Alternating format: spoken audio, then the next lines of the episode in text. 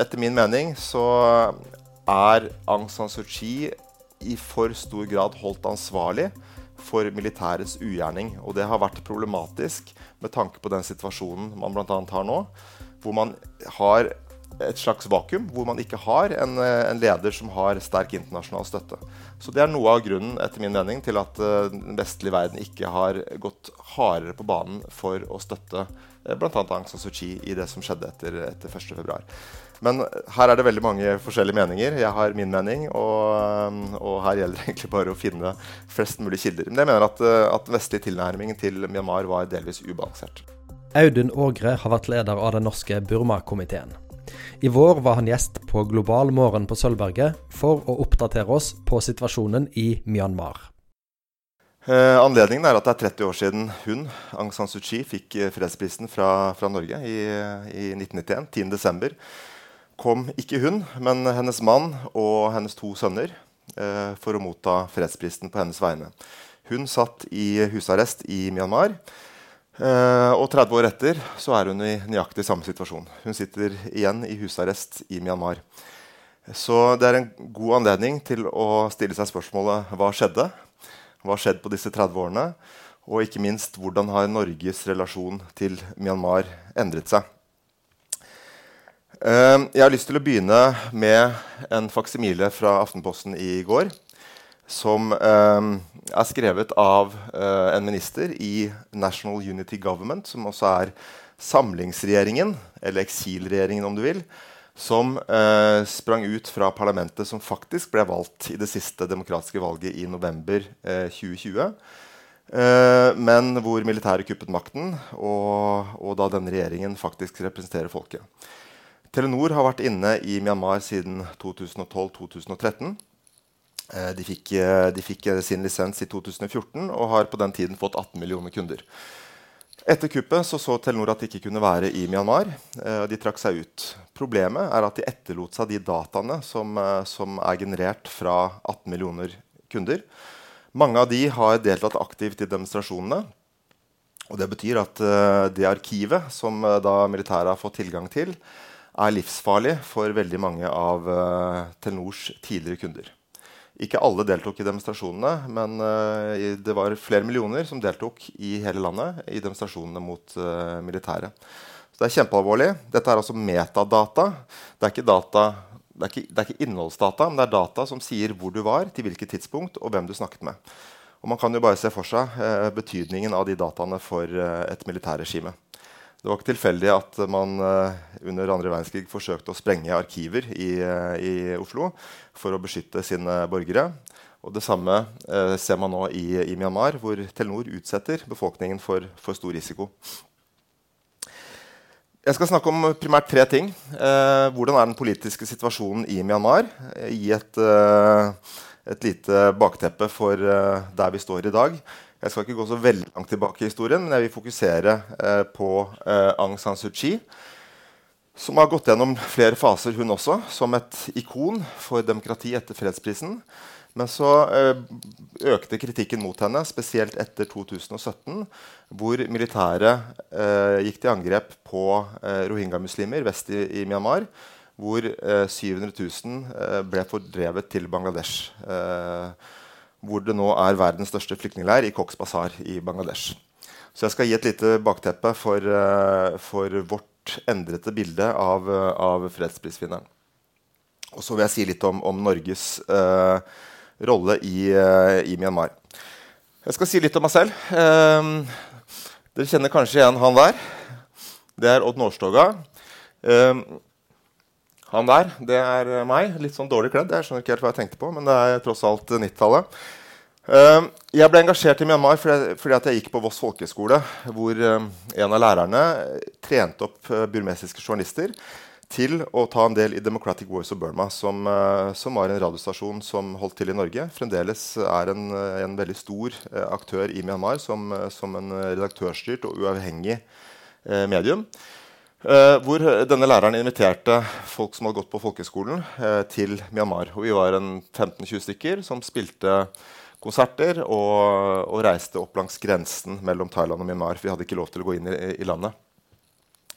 Uh, og jeg som da en ambisiøs gitarist endte opp med å spille irske drikkeviser med Odd Norstoga i flyktningleire. Opp, opp, langs grensen mellom, mellom, Thailand og Myanmar. Og Odd Nordstoga synger veldig bra irske drikkeviser. Det kan jeg, det kan jeg love dere. Uh, mitt andre kapittel uh, begynte i 2011, hvor, uh, hvor jeg gikk inn i Myanmar-komiteen, eller Burma-komiteen. Vi får bli enige om at det er lov til å si både Burma og Myanmar. Eh, det har vært en stor diskusjon om hva landet egentlig heter, men eh, vårt utgangspunkt er at det er ikke opp til oss. Eh, så, så, inntil de blir enige om det i Myanmar, så får vi lov til å bruke begge, begge begrepene. Kommer litt tilbake til det. Mitt andre kapittel eh, handlet om å jobbe i, Burma-komiteen, som var en politisk organisasjon eh, med ganske gode politiske eh, kontakter. dette her er KO9, en advokat som klarte å lure militæret, som hadde skrevet en grunnlov som skulle hindre Aung San Suu Kyi å få makt i Myanmar. Denne advokaten fant et smutthull som gjorde at Aung San Suu Kyi til tross for et forbud i grunnloven, kunne bli de facto leder i landet. Det ble han drept for i 2017. Så han ble skutt på, på flyplassen i Yangon mens han holdt barnebarnet sitt i armen. Uh, Myei eh, er en del av 88 Generation Student, som var en studentleder i 1988. Uh, var en av de første som ble fengslet etter kuppet i fjor. Uh, hadde her møte med utenriksminister Espen Barth Eide. Uh, Min Konai satt 20 år i fengsel etter, etter 1988.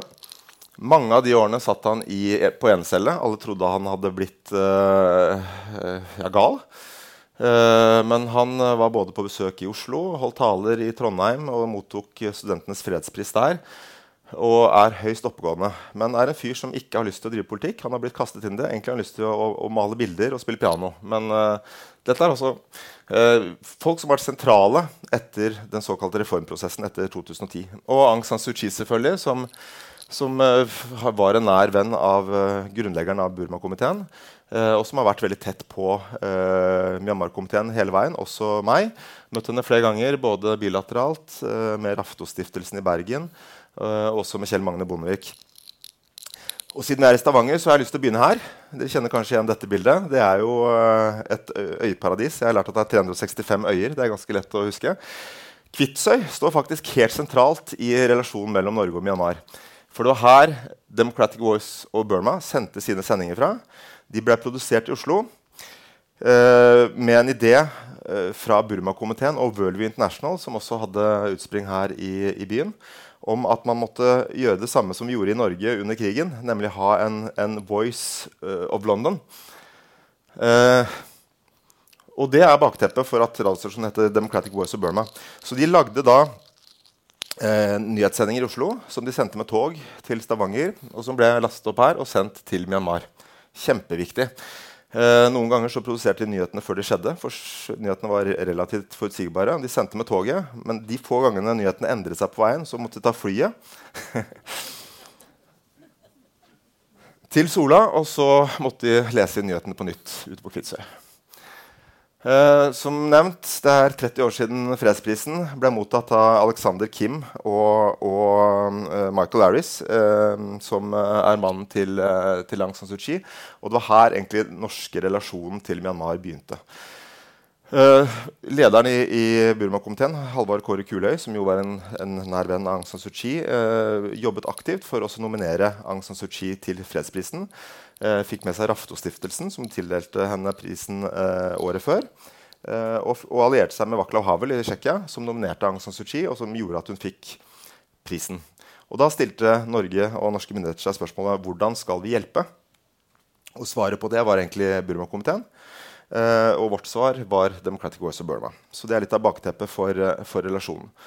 Democratic Voice of Burma er Norges største suksess. Uh, utvilsomt, etter min mening i, i Myanmar. Eh, radiostasjonen har 18 millioner eh, Nei, ikke så mange. Eh, 4 millioner seere. Og de har 18 millioner følgere på Facebook.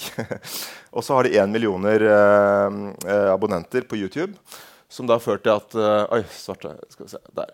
At redaktøren eh, Chanai eh, har fått gullplakat fra YouTube. Og de sender fremdeles nyheter hver eneste dag men de lever i skjul. Og de jobber distribuert de var i Oslo fram til 2013. Reiste til Thailand, reiste inn i Myanmar. Så kom kuppet, og de ble tvunget uh, på flukt, men jobber nå distribuert. altså at de, de, har, de, har, en redaksjon i Thailand, men journalistene jobber undercover. Ok, Da var de tre temaene jeg skulle snakke om. Det første er den politiske situasjonen i Myanmar. jeg tenkte jeg skulle begynne med denne.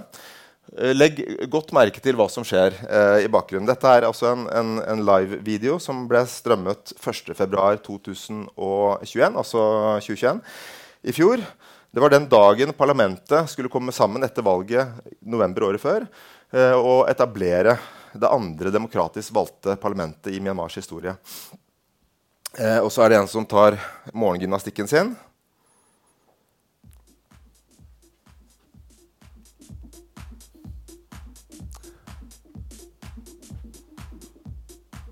Dette er 20-felts motorvei som eh, ikke har biler, for dette er veien inn til eh, parlamentsbygget i, i Napido i, i, Myanmar. Ble laget bl.a. for at generalene ønsket en fluktmulighet, så her kan det lande et fly. Så her ser vi eh, begynnelsen på det inferno som, som myanmarere og burmesere har vært utsatt for siden 1.2. I, eh, i fjor.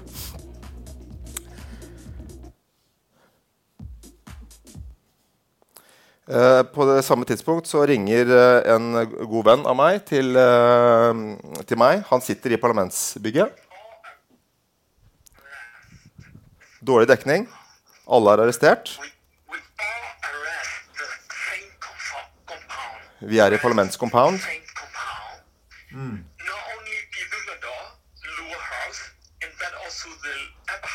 Underhuset og overhuset. Alle er omringet.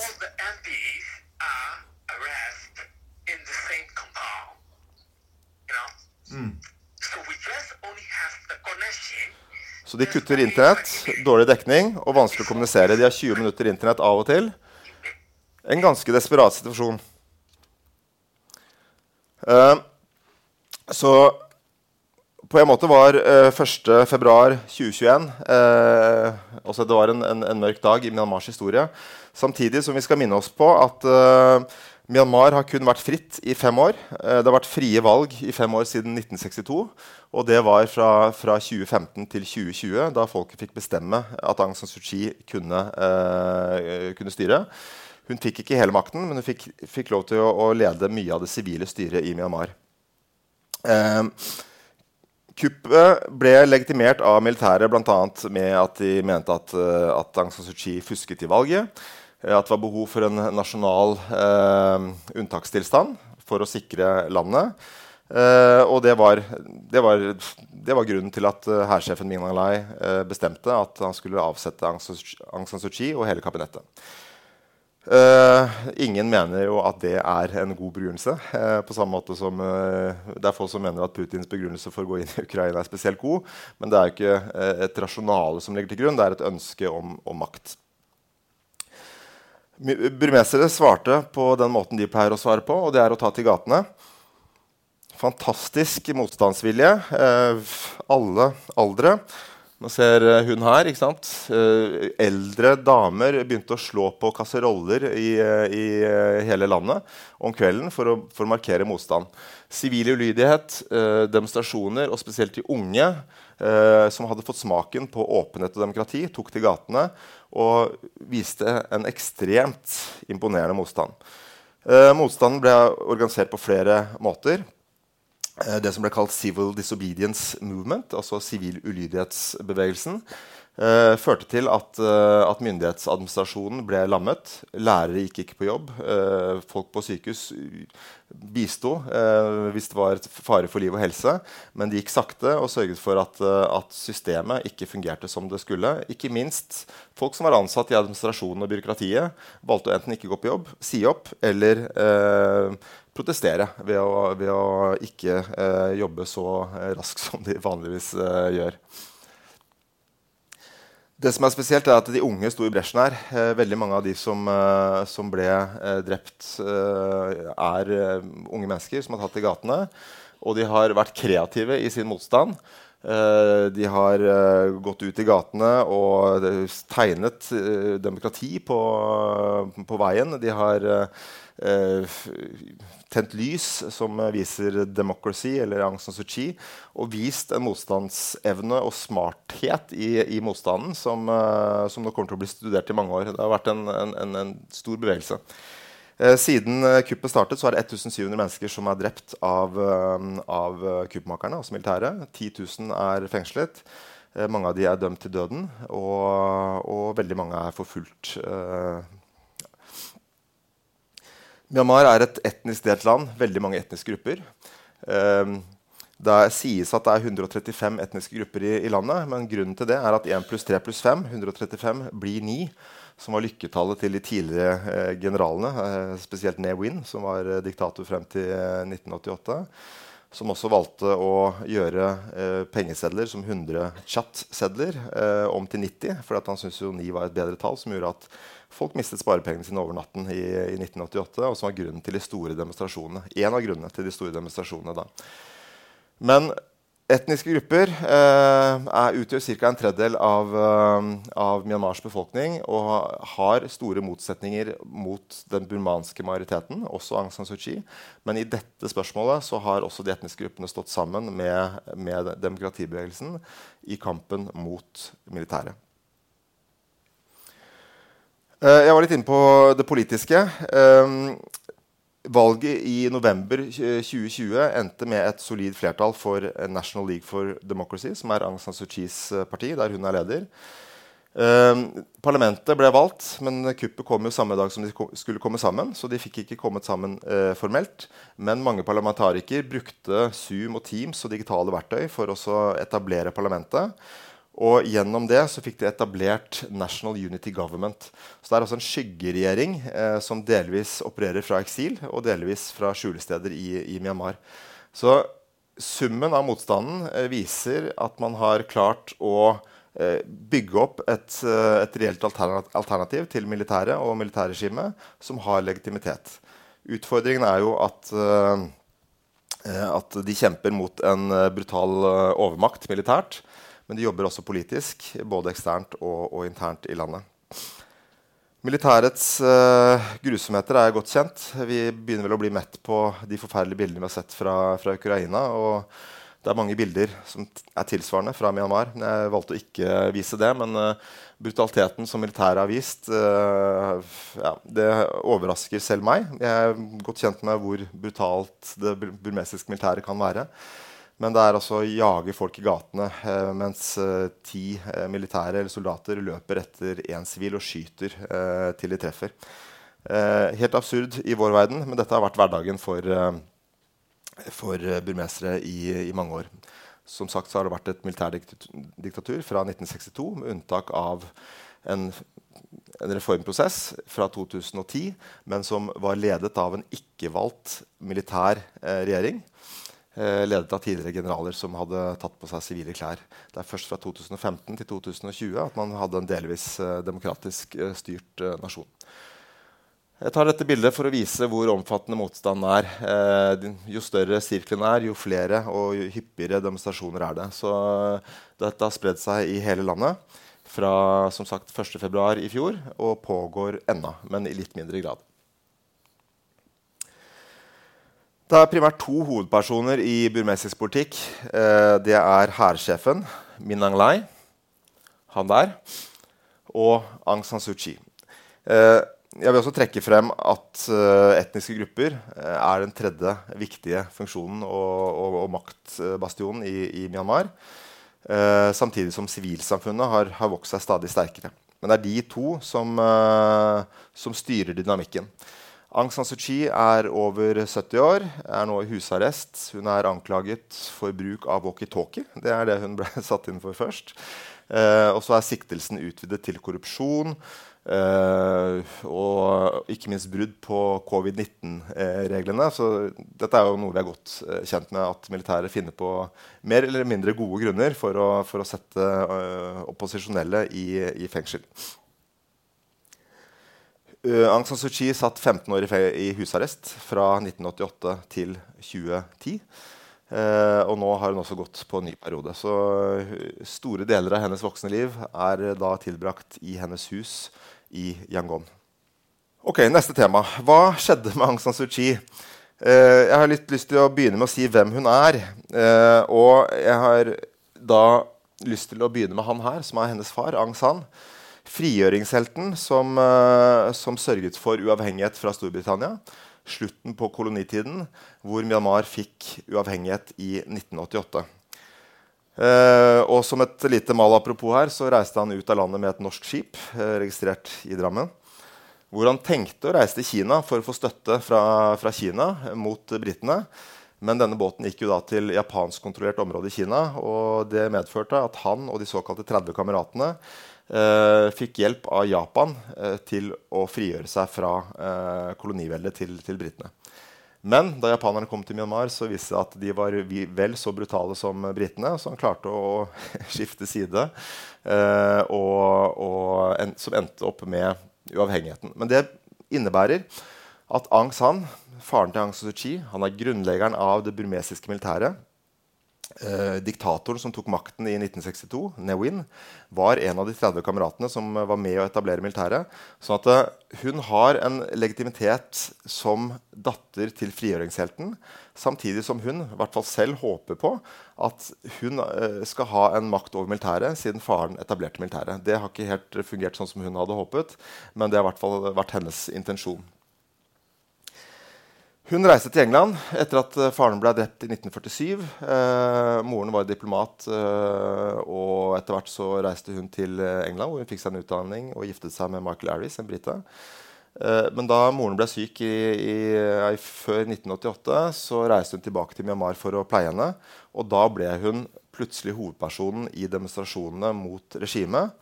Demonstrasjonene førte til eh, løftet om et valg i 1990. Aung San Suu Kyi ble overtalt til å, til å, stille som partileder. Og hun vant valget med suverent flertall.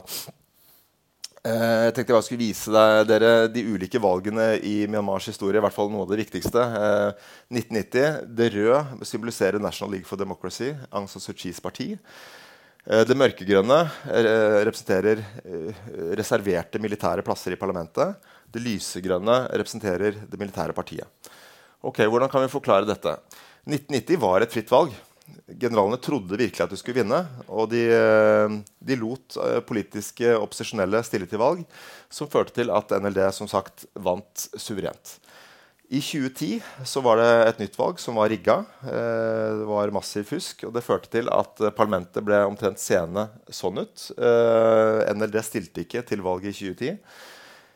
2012 eh, var, der var det et mellomvalg eller suppleringsvalg hvor NLD stilte for å komme inn i parlamentet, og de vant alle setene. Valget i 2015 eh, er nesten identisk som, eh, som, valgresultatet i 1990.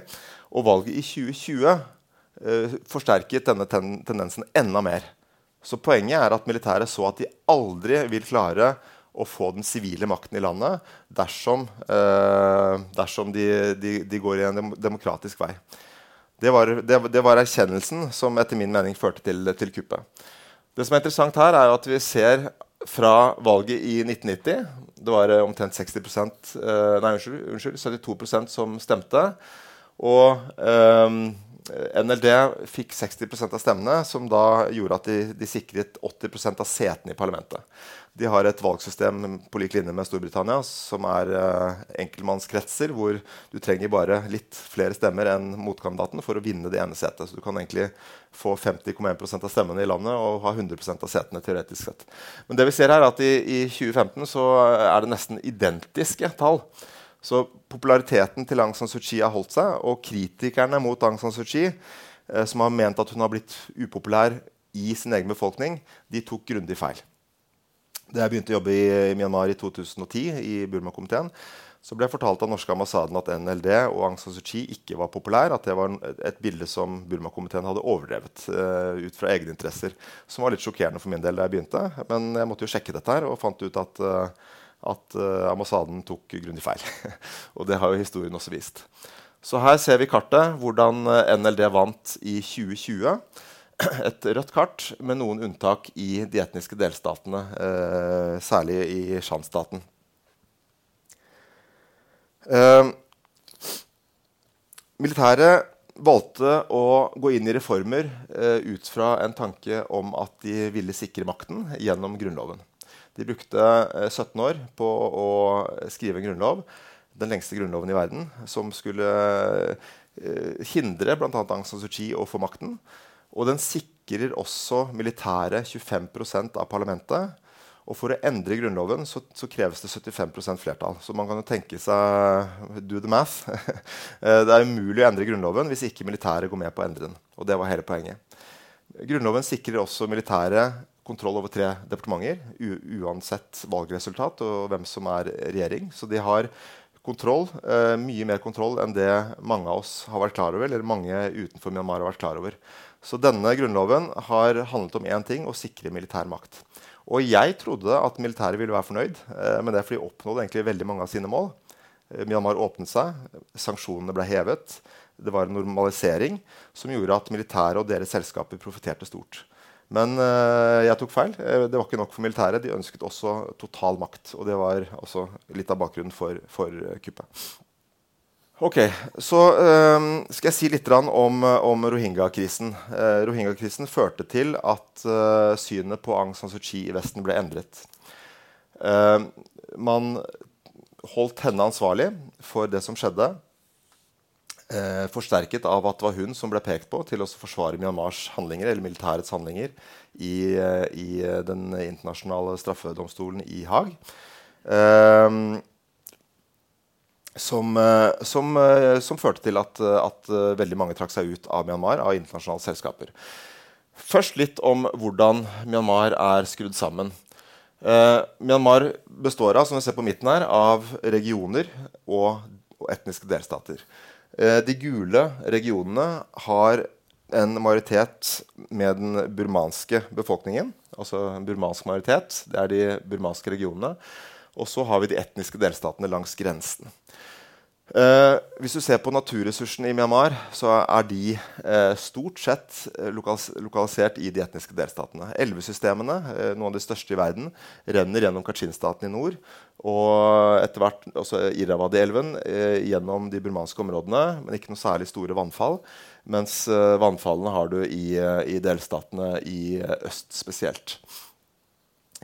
Rakhine-staten, der hvor rohingyaene holdt til, er her opp mot Bangladesh. Uh, som er strategisk viktige, for de ligger i nærheten av oljeressurser og særlig offshore gassressurser, som også Statoil fikk en konsesjon eller leteblokk på. Men de fant ikke nok til å drive, og det tror jeg de er veldig glad for i dag. For på den tiden trodde de at, uh, at Myanmar skulle gå i retning av demokrati. Det er to uh, ledninger som går til Kina, én med gass og én med olje, som er veldig viktig for kineserne, og som gjør at kineserne også ser det som strategisk viktig å, å sikre kontrollen i området. Ikke minst fordi at dette har blitt Kinas havn. Eh, de sparer jo så mye på å shippe eh, da via Myanmar istedenfor å seile gjennom Malakastredet og rundt, eh, rundt Sørøst-Asia. Eh, så ressursene er plassert i de etniske delstatene. Eh, og Rakhine-staten er strategisk viktig på veldig mange måter. Hvordan er det med det religiøse? Grunnen til at militæret eh, gikk inn i en offensiv eh, mot Rakhine-staten, var at de fryktet at, eh, at uh, muslimene skulle ta over Myanmar. Altså, de så på kartet så at det er en stripe fra Pakistan, sydlig India, Bangladesh, sydlige Thailand, videre inn i Malaysia og Indonesia. Og eh, buddhistiske nasjonalister brukte det narrativet for å si at Myanmar er den siste skansen for buddhismen. Så det ble brukt effektivt. Man klarte å mobilisere en nasjonalistisk bevegelse som ble kalt 969 Movement. Mabata eh, skiftet navn til etter hvert, men som var ytterliggående nasjonalister. Eh, som hadde sterk støtte hos militæret og hos, også den militære regjeringen før Aung San Suu Kyi. Eh, her ser du på uh, religiøse bildet. Det blå er buddhister. Um, og det røde er kristne, og, og det grønne er islam. Og man ser jo at de fleste muslimene i Myanmar holder til i Rakhine-staten. Og spesielt da rohingya-muslimene. Um, Det som skjedde, var at uh, burmesiske militære gikk inn i Rakhine-staten og presset rohingya-muslimene over grensen til Bangladesh. Eh, 700 000 mennesker ble drevet på flukt i eh, 2017. Mens eh, denne bevegelsen startet allerede i 2012, hvor militæret også uh, gikk inn og, og, lagde problemer. Konflikten ble beskrevet som en, uh, altså en, en, en slags ja, communal violence er det engelske ordet, mellom buddhister og muslimer. Og det er ikke usant. Mens det, store bildet handler om at militæret gikk inn med tungt skyts og jagde muslimene og rohingya-muslimene over, over landet. over grensen til, til Bangladesh. Eh, det var store menneskestrømmer som, eh, som eh, dro over grensen. Her, her, ser vi grensepasseringen. man så satellittbilder hvor, hvor, hele byer var brent til grunnen. Og hvor militæret også brukte Telenors telekommaster som, eh, som skyteskår for, for, for snikskyttere, hvor, eh, hvor, de skjøt og drepte eh, flyktende eh, rohingya-muslimer. Helt grusomt. Som da endte med at, eh, at den, verdens største flyktningleir nå ikke er i Afrika, men er i Bangladesh, Cox Bazar, hvor det primært er rohingya-muslimer. Ok, Hva gjorde dette med, med synet på Aung San Suu Kyi? Aung San Suu Kyi leder da en regjering som er demokratisk valgt. Men som jeg har nevnt, de hadde ikke kontroll over militæret. Militæret har autonomi. Regjeringen har ikke mandat til å ta beslutninger på vegne av militæret eller i sikkerhetspolitiske spørsmål overhodet. Det overlates til militæret. Det er, helt, det er en stat i staten. Det var militæret som, uh, som, tok beslutningen om å gå inn i Rakhine-staten og, og løsne skudd og fordrive eh, rohingya-muslimene. Grunnen til at de gjorde det, var bl.a. at de tenkte at dette var en sak som ville gjøre militæret populære og gjøre Aung San Suu Kyi upopulær. Aung San Suu Kyi eh, svarte med å ta avstand fra volden, men hun lykkes ikke å overbevise verden om at hun faktisk hadde sympati for rohingya-muslimene. Det er et forferdelig vanskelig spørsmål, for dette handler egentlig om statsborgerskap og hvordan militæret rigget statsborgerskapsreglene. Fordi at det er 135 godkjente etniske grupper i Myanmar som har rett til statsborgerskap, inkludert å bli president. Rohingyaene har ikke den rettigheten, for de er ikke, de er ikke anerkjent som en etnisk eh, gruppering i Myanmar. Så konflikten handlet om er de en del av Myanmars nasjonaliteter, eller, eller er det ikke det. Og i den striden så sto nok Aung San Suu Kyi etter min mening på feil side. Men grunn, altså hun mente at uh, rohingyaene ikke var en etnisk nasjonalitet i Myanmar. Og en av grunnene til det var at hun fryktet de politiske konsekvensene av at hun hadde gjort det motsatte valget. Både fordi at militæret ville da reagert, og at hun ville mistet oppslutning i befolkningen. Dette var en veldig betent sak. Så da eh, Haag inviterte Myanmar til å forsvare seg i anklagene mot folkemord, så pga. statskonstruksjonen i Myanmar, hvor man har det militære, som har autonomi, men som ikke trenger å svare for noe som helst. Og så har man de sivile, som faktisk er valgt, men som må svare for eh, spørsmål som de fleste valgte partier og regjeringer må. Så var det Aung Suu Kyi som, eh, som, dro til Haag og forsvarte seg. Og det så ikke bra ut, og det var ikke bra. Men eh, etter min mening så er Aung San Suu Kyi i for stor grad holdt ansvarlig for militærets ugjerning. Og det har vært problematisk med tanke på den situasjonen man bl.a. har nå, hvor man har et slags vakuum, hvor man ikke har en, en, leder som har sterk internasjonal støtte. Så Det er noe av grunnen etter min mening, til at uh, den vestlige verden ikke har gått hardere på banen for å støtte uh, bl.a. Aung San Suu Kyi i det som skjedde etter, etter 1.2. Men her er det veldig mange forskjellige meninger. Jeg har min mening, og, og her gjelder det egentlig bare å finne flest mulig kilder. Men jeg mener at, at den vestlige tilnærmingen til Myanmar var delvis ubalansert. Ok, Siste avsnitt. Hva skjedde med Norge? Eh, Norge har jo egentlig gått gjennom tre ulike faser i Myanmar. Etter fredsprisen så var Norge en sterk støttespiller for demokratibevegelsen. Man støttet Democratic Voice of Burma. Man støttet uh, sivilsamfunnet, altså organisasjoner i Myanmar som, uh, som, kjempet mot militæret og for demokrati. Og man var en veldig sterk støttespiller av Aung San Suu Kyi og National League for Democracy, hennes, hennes parti. Uh, en,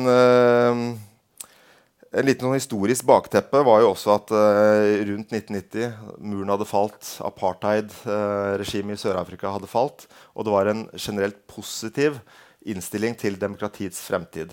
Hvor en, eh, en amerikansk statsviter, Francis Fukuyama, skrev en bok som het 'The End of History', hvor hans tese bl.a. var at uh, dette viser at demokratiet har seiret. Dessverre tok han feil. Den andre fasen i norsk uh, utenrikspolitikk uh, i Myanmar handlet om en sterk støtte til de promilitære, altså generalene som hadde tatt av seg uh, uniformen og, og tatt på seg dressene. Thein Sein, den forrige presidenten, var da general, og han var statsminister under militærregimet og var ansvarlig da eh, militæret åpnet ild mot, mot, munker i, i 2007, altså den såkalte safranrevolusjonen. Blod på hendene som bare det, men eh, ble da ansiktet utad for reformprosessen i overgangen mot eh, det militæret kalte et disiplinblomstrende demokrati. Så her ser vi han møter uh, statsminister uh, Jens Stoltenberg på denne tiden. Dette var gullalderen i det norsk-myanmarske samarbeidet, hvor uh, Norge var veldig viktig bjellesau for de burmesiske generalene. Statoil hadde fått lisens på en leteblokk utenfor Akain-staten. Telenor hadde kommet inn i landet. SN Power, som da er støttet av Norfund, som igjen er et, et, mer sånn business bistandsprosjekt under regjeringen eller under, under myndighetene i Norge Eh, gikk inn og bygde ut vannkraft i Shan-staten i konfliktområder. Eh, midt i en krig.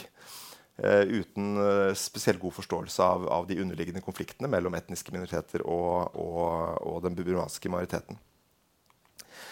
Den norske støtten gikk dramatisk opp på den tiden. her er et bilde av, av de norske midlene, støtten som gikk inn til Myanmar fra 2006 til 2016 og hvor eh, Thein Seins regjering kom til makten i 2011, hvor man så en stor vekst i, eh, i, den norske bistanden til Myanmar, og hvor Myanmar ble utpekt som et, et fokusland eller et partnerland for, for norsk eh, bistand og utenrikspolitikk.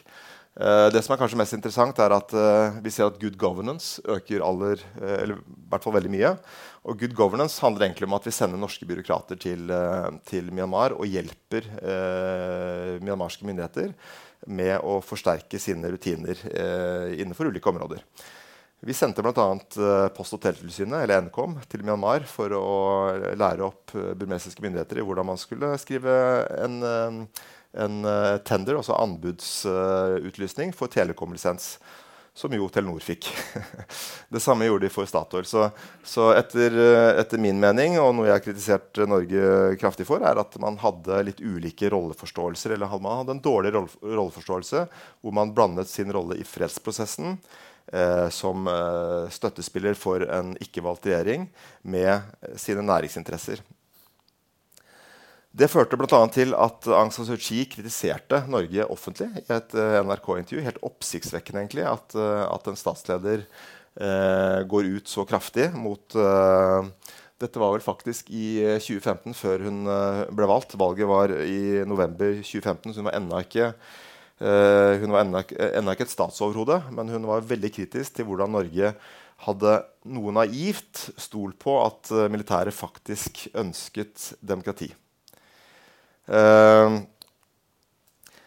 ambassadøren i Norge, Katja Norgård, eh, hun uh, var veldig sterkt involvert i fredsprosessen, samtidig som hun jobbet veldig hardt for norske næringsinteresser. Og det er egentlig ikke noe galt med det. Det er jo en ambassadørs rolle.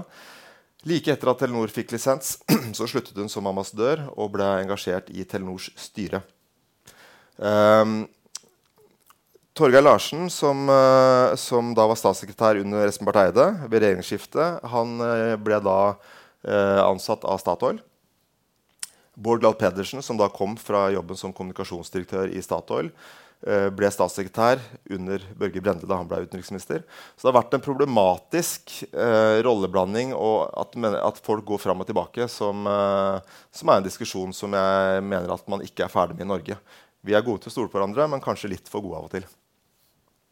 Så dette bildet viser da vikingene og, og, og generalene på hver sin side av ambassadøren, som da symboliserer at, eh, at eh, den egentlige interessen til uh, til Norge handler om å koble norsk næringsliv, altså med et Telenor-sverd på siden. Unnskyld. At det var den egentlige motivasjonen. Telenor gjorde en braksuksess. De kom inn i et land som var preget av monopol fra det myanmarske post- og televesenet. jeg betalte da 1500 norske kroner for mitt første SIM-kort, fordi det var ikke konkurranse. Og du måtte da gå og finne brukte SIM-kort som passet til, uh, til, min iPhone. Klippe det til uh, på et gatehjørne. Og jeg fikk dessverre da et telefonnummer som tilhørte en svindler.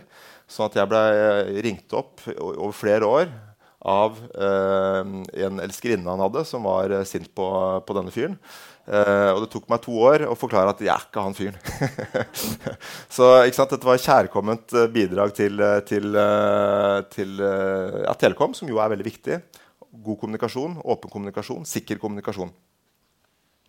18 millioner kunder. Det er jo helt ekstremt. og kundene var opptatt av data data og data. altså det var Facebook, som da ble egentlig internettet i Myanmar hvor, uh, hvor, mange av SIM-kortene var sponsa. Du trengte ikke å betale for det så lenge du brukte Facebook som inngang til, til verden. Som, som, da Facebook har en interesse av uh, opp mot sin annonsemodell. Mange problematiske sider. Uh, dette var en kronikk som jeg skrev. jeg fikk med meg 10-12 forskere, folk som kjenner Myanmar godt. Og da er vi tilbake til spørsmålet om, om metadata. Eh, jeg mener at eh, Telenor sviktet på det groveste da de trakk seg ut av Myanmar.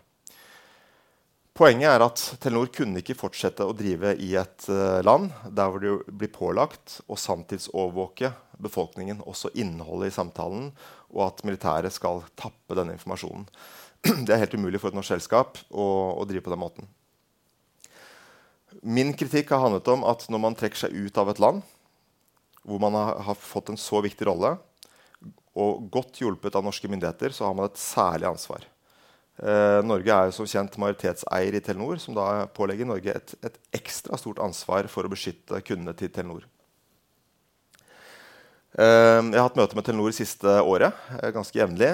Og jeg har hele tiden tenkt at dette er en dekkoperasjon. De kommer faktisk ikke til å overlate dataene om 18 millioner kunder, som vil være et verktøy for militærregimet i mange år fremover, for å finne hvem som har snakket med hvem, hvem som er tett på andre opposisjonelle.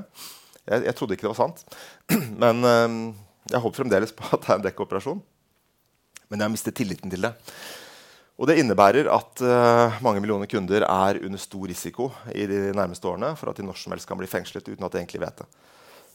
Og det problematiske med det er jo også at veldig mange etter 1.2., etter kuppet, valgte å skifte abonnement til Telenor fordi de stolte på at en norsk aktør med et norsk statlig eierskap altså Hvis man ikke kan stole på de, hvem kan man stole på da? Og så viste det seg at uh, Telenor har valgt å utlevere dataene at dataene er en del av salget til eh, M1 Group, som er et libanesisk selskap som kjøpte Telenor for spotpris. 1 milliard kroner. Det er mye for meg, men ikke mye for et telekomselskap. Eh, og at det libanesiske selskapet samarbeider med et burmesisk selskap som er tett på regimet, eh, som har opsjon på å kjøpe 80% av andelen i selskapet. Og uansett må de dele dataene med militæret. Kjempeproblematisk. Og det er et så stort svik at uh, det første faksimilen jeg viste, altså, viser at, uh, at ministerne i samlingsregjeringen har gått ut og kritisert beslutningen offentlig. Unnskyld. Så luften gikk vel ut av ballongen, og dette er en kamp vi står midt oppi. Uh, Eh, jeg jobber og samarbeider tett med samlingsregjeringen. Vi kommer til å forfølge denne saken. Jeg mener at uh, denne saken må opp i, i Telenors generalforsamling og kommer til å jobbe for det. Eh, andre private eiere, som Storebrand og DNB, har vært langt mer kritiske enn norske myndigheter til hvordan eh, Telenor har håndtert denne saken. Telenor sier vi hadde ikke noen andre muligheter. Eh, jeg kan tenke på ca. 50 muligheter for å slette data, eh, som jo er en, eh, en, risikabel operasjon. Men jeg er helt sikker på at veldig mange i Myanmar har vært villige til å ta den risikoen for å beskytte sin egen befolkning. Så til slutt et litt sånn dystert bilde ut fra tanken om, om, om demokrati på 90-tallet. Eh, denne grafen viser jo eh, eh, viser jo eh, koblingen mellom autokratier og eh, demokratier. Hvor man ser fra 1990 var demokratiet på sitt høydepunkt, et peak. Og så har det gått ned etter det. På samme måte ser vi at Autokratiene har gjort et slags comeback med Kina, med Russland, med andre land, også i, i Europa. Ungarn, Polen. Eh, som, uh, som eh, kanskje akkurat i dette punktet er i ferd med å snu. Jeg håper jo at det, de barbariske handlingene som vi ser i Ukraina, fører til en mobilisering som vi allerede har sett at EU har, har stått for, som er positivt. Og så en liten graffiti fra fra denne vårrevolusjonen, som den er kalt. Motstanden mot kuppet. You can cut all the flowers, but you can't keep spring from coming. Og da er vi egentlig tilbake til hun her. Eh, 30 år siden hun fikk eh, fredsprisen. Eh, vi er fremdeles eh, vi er egentlig tilbake til, til, start, hvor man krever en mobilisering. Man krever et demokratisk sinnelag, gode støtteordninger fra Norges side og fra det internasjonale samfunnet, og en vilje til å ta risiko på vegne av demokratien. For etter min mening så står ikke kampen om demokrati bare i Norge, men det står like mye i Ukraina og Myanmar som her. Takk.